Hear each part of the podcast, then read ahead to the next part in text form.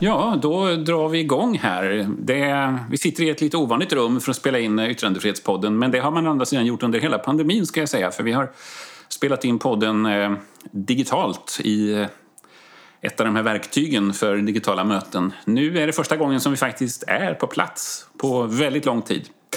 Och eh, Ola Larsmo är här, välkommen! Tack så mycket!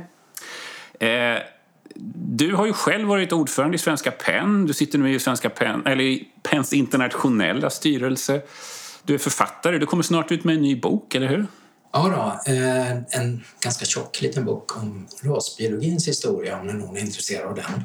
En tjock liten bok, ja jag förstår. Litet format men ganska fet. Ja, jag förstår. Rasbiologins historia, intressant. Ja, jag hoppas du tycker det. Jag vet inte hur många där som tycker det, men jag tyckte att det var dags att skriva en sån eftersom det påstås allt möjligt. Mm. Eh, så min, min ambition är att skriva en bok som man nästan kan använda som uppslagsbok och ta reda på vem som gjorde vad mot vem. Det kanske behövs, för det har ju varit som du säger en diskussion om eh, vem var skuld och vad låg bakom och ideologiska kopplingar och sådär. Jag kan säga som så att i den här boken så kommer ingen undan. Nej, det verkar rimligt också med tanke på ämnet. Ja.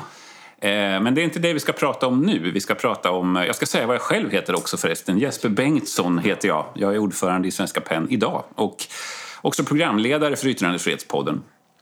Vi ska prata om eh, PEN faktiskt och PENs charter därför att en del av PENs charter har också blivit väldigt aktuell i tider av krig och ökad konflikt i världen. Berätta, Ola. Alltså, charten är ju ett väldigt, väldigt intressant dokument och det man kan kalla det för PENs grundlag egentligen. PEN har ju funnits i hundra år nu och eh, man kan se hur den där växer fram. Jag skulle nästan säga organiskt med början på 1920-talet fram till idag som ett dokument som faktiskt eh, i sig fångar väldigt mycket av egentligen yttrandefrihetens och demokratins historia under 1900 och 2000-talet. Och det låter väldigt abstrakt men om man kommer ihåg att PEN började som en sammanslutning helt enkelt eh, för författare från olika länder som skulle träffas ganska anspråkslöst, kanske över middag eller ett glas eller någonting sånt där så gjorde just samhällsutvecklingen och inte minst det nazistiska maktövertagandet på 30-talet att PEN tvingades konfrontera olika totalitära riktningars och staters försök att styra och kontrollera litteraturen. Mm. Och charten är väl faktiskt motgiftet. Eh, på vilket sätt? Ja, om vi fortfarande stannar i historien mm. eh, så var ju en, vår första ordförande egentligen var John Galsworthy, mest känd för att ha skrivit eh, Forsyth-sagan i hur många band det nu är. 247. Ja, men eh, han hade också väldigt bestämda idéer om det här med, med, att litteraturen och diskussionen om litteratur och spridandet, inte minst av världslitteraturen, skulle liksom vara höjt egentligen över alla politiska motsättningar. Mm. Så han drev det här ganska hårt att PEN skulle vara, som han såg det, en opolitisk organisation men också en övernationell. Mm. Det där är lite intressant. För han menade, och många i den första penkretsen menar att litteraturen är ett gemensamt språk för hela världen, hela planeten jorden. För människor skriver bevisligen litteratur överallt. Mm. Eh, och då får inte den egentligen, man får inte hindra spridningen av den. Därför att den bygger helt enkelt på att vi förmedlar erfarenheter, insikter, lite kul mm. från planetens alla hörn egentligen. Det finns en intressant aspekt av det där som jag själv tyckte var fascinerande när jag läste om det och det var de här tankarna om som Romain Rolland, eh, fransk nobelpristagare och också inblandad lite i PEN i början, han formulerade det som att det behövs en andens international. Eh, då i kon kontrast mot de mer ideologiska internationalerna. Det var väl egentligen en del av samma tankemönster, var det inte det? Jo, och alltså det finns flera aspekter av det där som är, är rätt, rätt fascinerande. De här herrarna, för det var mest herrar då även om vår grundare var den kvinnliga författaren Amy Dawson Scott. Eh, de här herrarna hade alltså idén om att om man kan hålla litteraturen fri från de här ideologiska tummarna så kommer den också att kunna fungera som ett sånt, ska vi kalla det för, alltså gemensam yta för möten och utbyte av erfarenheter. Det är bara det att ganska snart så springer man på olika hinder för det där. Ett intressant sånt exempel är till exempel när jiddischförfattare hörde av sig till PEN i London eh, redan på 20-talet faktiskt och sa att vi vill gärna bilda ett center för alla som skriver på jiddisch. Och det hade man ju ingenting emot. Det var bara det att de var spridda på ett antal olika länder. Och det var inte helt säkert att de var riktigt välkomna i polska PEN, de som skrev på jiddisch. Och så fanns det en stor grupp som skrev också i dagens Lettland och en grupp bort i New York. Så vad gör man då? Jo, då bildade man faktiskt det första penncentret som inte var bundet av nationsgränser. Vilket jag tror var väldigt viktigt. Att man kom på det att språket och litteraturen är någonting sammanhållande som inte är knutet till en nationsbildning nödvändigtvis. Det var det första steget då när man, när man liksom kom på det att litteraturen är någonting större än, än den nationella kulturen. Mm. Sen har vi också det här som hände som nästan en sån här vad ska vi kalla det för, inte helig stund, men viktigt ögonblick i Pens historia, nämligen det som hände i Dubrovnik 1933. Det tänkte jag, det kan du få berätta. Nej, fortsätt gärna. ja. eh, nej, alltså det här var ju när eh, nazisterna hade kopplat ja. greppet om Tyskland. Och den tyska litteraturen var ju viktig mm. för Europa eh, och hela världen, kanske man ska säga. Och samma vår hade man alltså tänt bokbål ja. på offentliga platser i Tyskland där man alltså hivade bokstavligen många av de, de kända och viktiga författarnas verk på mm. elden. Mm. Och så ska man träffas då till en kongress och diskutera med varandra eh, i Dubrovnik då, 1933 och där är tyska PEN. Och en av dem som då hade fått sina böcker uppeldade och som hade haft tur att befinna sig utanför Tyskland och därför inte var arresterad var författaren och dramatikern Ernst Toller som också hade spelat en, en, en roll under Münchenrepubliken 1918. Och han begärde ordet för han ville tala om vad som pågick i Tyskland. Och det innebar ju också att det blev som det heter, dålig stämning mm. i, i, rummet. För den tyska PEN var ju där? De var där och mm. ville delta, fortsätta delta på egentligen samma villkor som förut fastän de nu var underordnade den nazistiska men de, regimen. Men de ville inte lyssna på Ernst Toller? De vägrade. Mm. Och där, det är ett sånt formativt ögonblick tror jag i organisationens historia. Det är när dåvarande ordföranden H.G. Wells säger låt honom tala. Och Toller håller ett fantastiskt tal som också finns bevarat. Mm. Där han slår fast eh, flera av de saker som, som PEN står för idag. Alltså den ohämmade distributionen och utbytet av litteratur och också mycket gripande berättar om vilka författare som är fängslade och vad som faktiskt händer i Tyskland. Mm.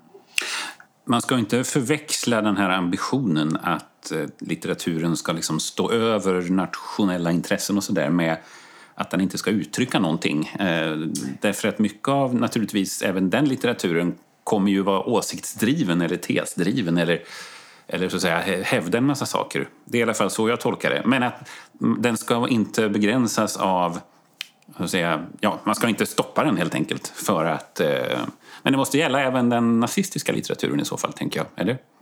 Jag tror att, att det var nog ingen som eh, hade tänkt förbjuda någon litteratur alls Nej. just där och då, i Dubrovnik 1933. Vad som hände däremot det var ju att den tyska delegationen tågade ut mm. för att man lät juden och kommunisten Ernst Toller vittna inför hela församlingen. Just det. Och sen bröt de sig ur och de försökte faktiskt bilda ett eh, man kallar det för högerpenn, eh, ett nationalistiskt penn. Men det där ville sig liksom inte och försvann sen in i världskrigets dimmor på olika sätt och vis. Men just detta att, att Penn bestämde sig där och då för att ta ställning för de författare som tystas av diktaturer tror jag kanske var vad som gjorde att, att den här organisationen har överlevt så länge. Mm. Sen har det väl också funnits exempel i historien senare, inte minst under kalla kriget, där pen, olika penncenter runt om i världen har använts i andra syften. Ja, det får man ju hela tiden, tror jag också, inom organisationen vara på sin vakt mot det här att är man en viktig organisation som dessutom säger sig försvara yttrandefrihet så kommer olika grupper att försöka utnyttja det. För vi vet att totalitära regimer och totalitära ideologier gärna använder yttrandefriheten för sina syften. Mm. Så det är någonting som man måste vara väldigt på sin vakt emot. Och det tror jag PEN är med den erfarenhet som organisationen faktiskt har. När du säger kalla kriget så är det intressant för Det uppstod ju egentligen aldrig några penncenter i den tidens Sovjet eller Sovjetrepubliker. Det fanns i Jugoslavien som ju liksom hängde lite på gärdsgården eller vad man ska säga eh, till östblocket. Men när eh, man försökte ta kontakt med eh, Sovjet och se om man kunde bilda penncenter så vart hela tiden diskussionen, ja det hade varit jättebra om vi kunde ha ett, ett ryskt penncenter. Det finns många intressanta författare på ryska eller på olika sovjetiska språk i det som då var, då var Sovjet. Men vi har problemet med charter. Och eh, dåvarande ordförande Harold Pinter sa liksom, ja då, då blir det inget. Nej. Eh, berätta lite mer om chartern, för att det blev ju tillägg till chartern efterhand också. Och med charter ska jag säga då, det är ju som, som grundlagen, eller ja, stiftande dokumentet, det som alla penncenter måste ställa upp på någonstans. Om man inte kan skriva under på den, då kan man inte vara med i PEN. Så enkelt är det. Eh, och den finns ju också då ordentligt utlagd på, på Svenska PENs mm. hemsida för den som vill läsa den lite mer i detalj. Men det här är ju ett dokument som, som i sig är fascinerande just för att det är avragringar ur kampen för yttrandefrihet och kampen för en fri litteratur. Och de första skrivningarna kommer ju då på 20-talet och spetsas på 30-talet. Mm. Och sen läggs det ju till väldigt viktiga saker i de första kongresserna som hölls efter andra världskriget i Stockholm och Köpenhamn.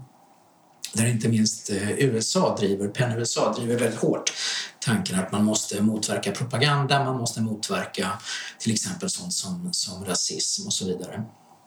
Och det där blir också en väldigt intressant spänning som uppstår i eh, chartan själv faktiskt. När vi har en skrivning paragraf 2 som jag tycker är väldigt viktig och du kanske kan läsa den. Jag läser den här nu. Konstverk som är hela mänsklighetens arvegods måste alltid, och i synnerhet i krigstider, lämnas orörda av nationella eller politiska intressen.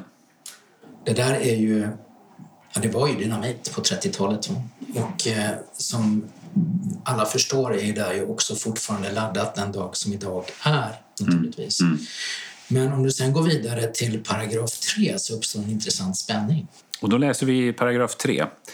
PENs medlemmar ska alltid använda det inflytande de har för att främja förståelse och ömsesidig respekt mellan länder och folk.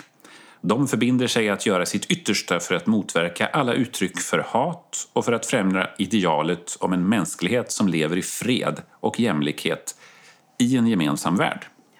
Och då förstår man genast att om man som PEN-medlem åtar sig att göra bägge de sakerna så blir det tidvis spänningar och kanske rent av inre stridigheter. För om vi dels säger att vi åtar oss, vi har lovat att vi ska försvara yttrandefriheten överallt där vi är och i alla omständigheter.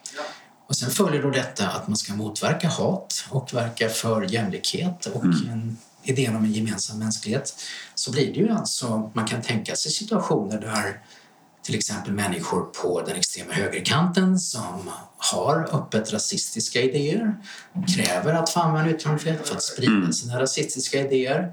Och då kommer vi till paragraf 3 som säger att det är sånt som vi faktiskt har lovat att motverka också. Mm. Så där måste man ju verkligen tänka igenom var man ställer sig. Mm. Det är väl egentligen hela yttrandefrihetens eh, dilemma och liksom inneboende konflikt som finns med i de här två paragraferna. Det pratar vi ju jättemycket om idag, tänker jag, med hatspråk på internet inte minst. Som ju då används för att tysta människor eh, samtidigt som det då skulle leda i alldeles fel riktning att försöka tysta dem. Eh, att tysta dem kan de försöka göra, men inte att förbjuda dem. att tysta dem med argument, men inte att förbjuda dem. Eh, och det intressanta, tycker jag, eh, tänkte jag redan när jag blev ordförande för några år sedan i Svenska PEN, att hela, den konfliktlinjen finns faktiskt i två korta paragrafer redan i, i charten. Och det är just, den är ju inskriven där med flit, höll jag på att säga. Ja. För man har ju lärt sig av de erfarenheter man har gjort som organisation. Jag menar människor byts ju ut men det finns vad vi kan kalla för ett, ett organisationsminne tror jag. Mm. Och det är, är kodifierat i de här paragraferna. Det är ett avtryck av de erfarenheter man faktiskt har gjort under resans gång. Att ja, vi måste stå för yttrandefriheten kompromisslöst mm. Eh, och samtidigt motverka det du kallar för hatspråk. Och du kan inte smita från någon av sidorna av myntet. Nej. Utan de måste höra ihop. Mm. Jag tänker på paragraf 2 där du sa att han har stor aktualitet idag och det är väldigt lätt att se i diskussionen av, om Ryssland och Ukraina till exempel. Eh, där har ju många hävdat att vi ska ha en kulturell bojkott. Och, vilket jag själv tycker kan vara en poäng, men inte en total kulturell bojkott. För det beror lite på vad kulturen används till.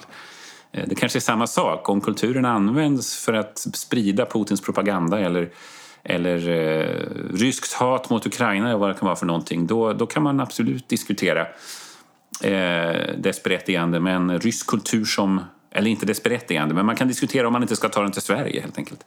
Men rysk kultur i allmänhet blir lite konstigt att förbjuda. Där har du just den intressanta spänningen mellan de här bägge paragraferna. Mm, Paragraf 3 säger att, att vi ska motverka hatpropaganda. Mm. Eh, och i den mån sådana kulturella uttryck tar sig formen av hatpropaganda eh, så är det inte alls säkert att PEN ska slåss på barrikaderna för den rätten att framföras. Däremot kan vi aldrig någonsin gå med på att stoppa eller förbjuda litteratur eller vilka kulturella uttryck vi talar om därför att den som skriver gör det på ett särskilt språk eller har en särskild etnisk bakgrund. Alltså det förbjuder oss nämligen paragraf 2. Mm. Mm.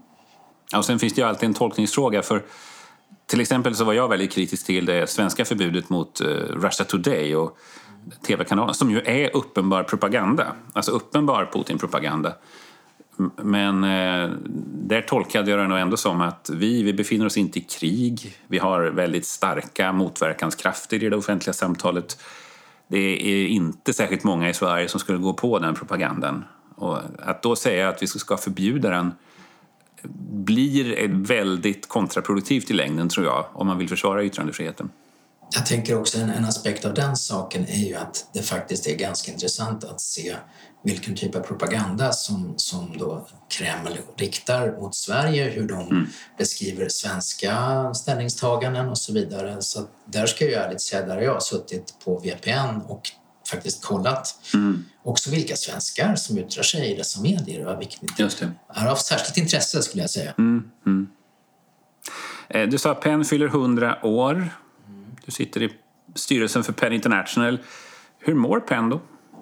Jag skulle säga att det som har präglat både svenska PEN och internationella PENs verksamhet de sista 10-15 åren är att organisationen har blivit så otroligt mycket viktigare. Mm. Och det är inte av några lyckliga skäl utan det är av tragiska skäl eftersom just yttrandefriheten har rullats tillbaka och demokratin har underminerats i land efter land.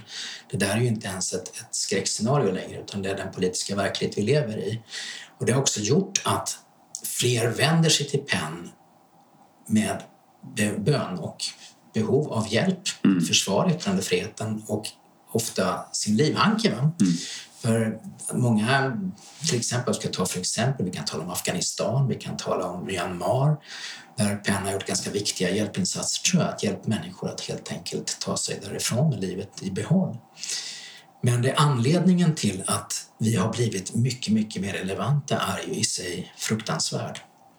Och sen är det också så att då behovet av PEN har blivit mycket, mycket större så har det också satts press på våra resurser. Så att jag skulle säga att just därför att PEN är så behövd idag eh, så har vi också ansträngt våra resurser ganska hårt. Så att det är ett hårt arbete att hålla ihop organisationen ekonomiskt med så stora behov. Mm. Jag ska säga också, nu blir inte det här något samtal där en kritisk journalist ställer frågor till en företrädare för PEN eftersom att jag också är företrädare för PEN. Vi ber lyssnarna om ursäkt för detta. Det är inte så mycket att göra just Det är inte så mycket att göra, precis. Vi har satt oss i detta själva, helt enkelt. Men eh, jag ska säga, eh, vi har ju en internationell kongress för PEN i Uppsala, eh, slutet av september. Vet inte när ni lyssnar på detta, men den kanske redan är över då. Men där har vi ju ovanligt många exilcenter på plats, skulle jag säga. Eh, just för den utvecklingen du beskriver, att vi har vi har haft ett antal år, 10-15 stycken, där eh, repressionen har varit tydlig i massor av länder. Militärkupper, åtstramningar och, och därför har folk tvingats fly och penncenter har inte kunnat vara kvar. Belarus är ett sådant exempel till exempel. Eh, men vi har också nu då massor av författare på flykt från Ukraina. Eh, människor flyr från Ryssland av samma skäl. Myanmar nämnde du. Afghanistan, deras penncenter var stort och aktivt i Kabul under lång tid. Eh, de befinner sig nu också i exil. Eritrea har vi också som har fått verka i exil under lång tid. Och det där tycker jag speglar den utvecklingen väldigt tydligt som du pratar om. på ett dåligt sätt. För att det betyder att de inte kan verka där de egentligen vill verka. Men sen har du det som kanske ändå är ska vi framsidan av det där, och det är att de kan mötas Just det. PEN. Just det. Eh, Det finns ett rum där man kan just tala om de här sakerna och, och, och vittna på det sätt som Ernst Toller gjorde i Dubrovnik. Och jag brukar tänka på det ibland när jag har besökt Penn Internationals kontor i London som faktiskt ligger i den gamla fabrik där Charles Dickens jobbade som barnarbetare under en tid. Så Det visste inte jag. Det var intressant. Ja. Bara en sån sak. Mm, jag har varit där, men... eh, Ja. Då kanske de inte tog fram den turist, turistbiten till det. Eh, Men hur som, de har kartor där över de exilcenter, penncenter som fanns i London på 30-talet. Mm. Och det är ju, det är ju halva Europa Ja. som har hamnat i London och sitter på små adresser i något som litet krypin och träffas. Och det finns särskilt en affisch som var på väggen och jag har sagt det till dem att den här kommer jag att stjäla när de vänder ryggen till för den vill jag ha. Och det är alltså första, egentligen en, en sida ur det första protokollet från tyska exilpen som träffas alltså i London, jag tror det är 1935. Mm. Och det måste ha varit en absolut hopplös situation, alltså att eh, nazismen liksom har kopplat greppet om Tyskland och det är fascistiska regimer över halva Europa och världskriget ligger och lurar i förlängningen. Mm. Och där sitter dessa små författare i ett rum. Och vilka namn är det? Ja, det är Thomas Mann, det är Klaus Mann, det är Ernst Bloch, det är Vicky Baum. Det är flera, flera kända namn. Alltså namn som du idag kan gå in på vilket bibliotek som helst och plocka ner deras böcker i hyllan. Eh, så att i någon mening kan man säga att de här människorna som kurade i sitt rum vann. Mm. Alltså att kampen för den fria litteraturen tog hem den ronden. Mm. Och då kan man ju vända på steken igen och säga att ja, det börjar se likadant ut igen. Mm. Och då tycker folk att man slår på stora skrämseltrumman när man jämför med 30-talet. Men vi kan ju titta på de här kartorna. Vi kan ju titta på var Excel-centren finns och se att det finns en parallell. Jag tycker det är så spännande när man ser just de namnen. För ibland när man tänker på eh, författare som tvingas fly så tänker man nog att det är de subversiva författarna som tvingas fly. Alltså de där som just verkar mer som aktivister än som författare.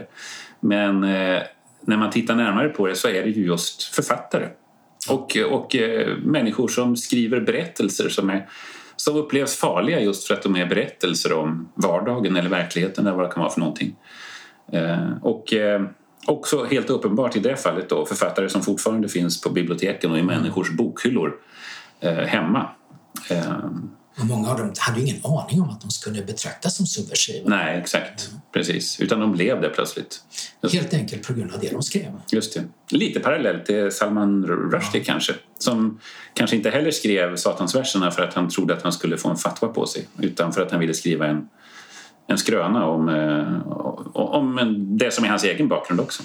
Ja, nu kan man ju förlora sig i jätteintressanta betraktelser över Satansverserna men han trodde ju, eller menade sig skriva berättelsen för och om migranter. Just det. Och liksom hur man, när man ramlar från det här flygplanet som man gör i början så blir man en ängel eller en djävul. Alltså man, folk ser den inte som den man är utan de ser den genom olika Just det. Filter och... filter Ja, exakt. Ja. Så det är ju jättebra gjort. Ja, Så. ja.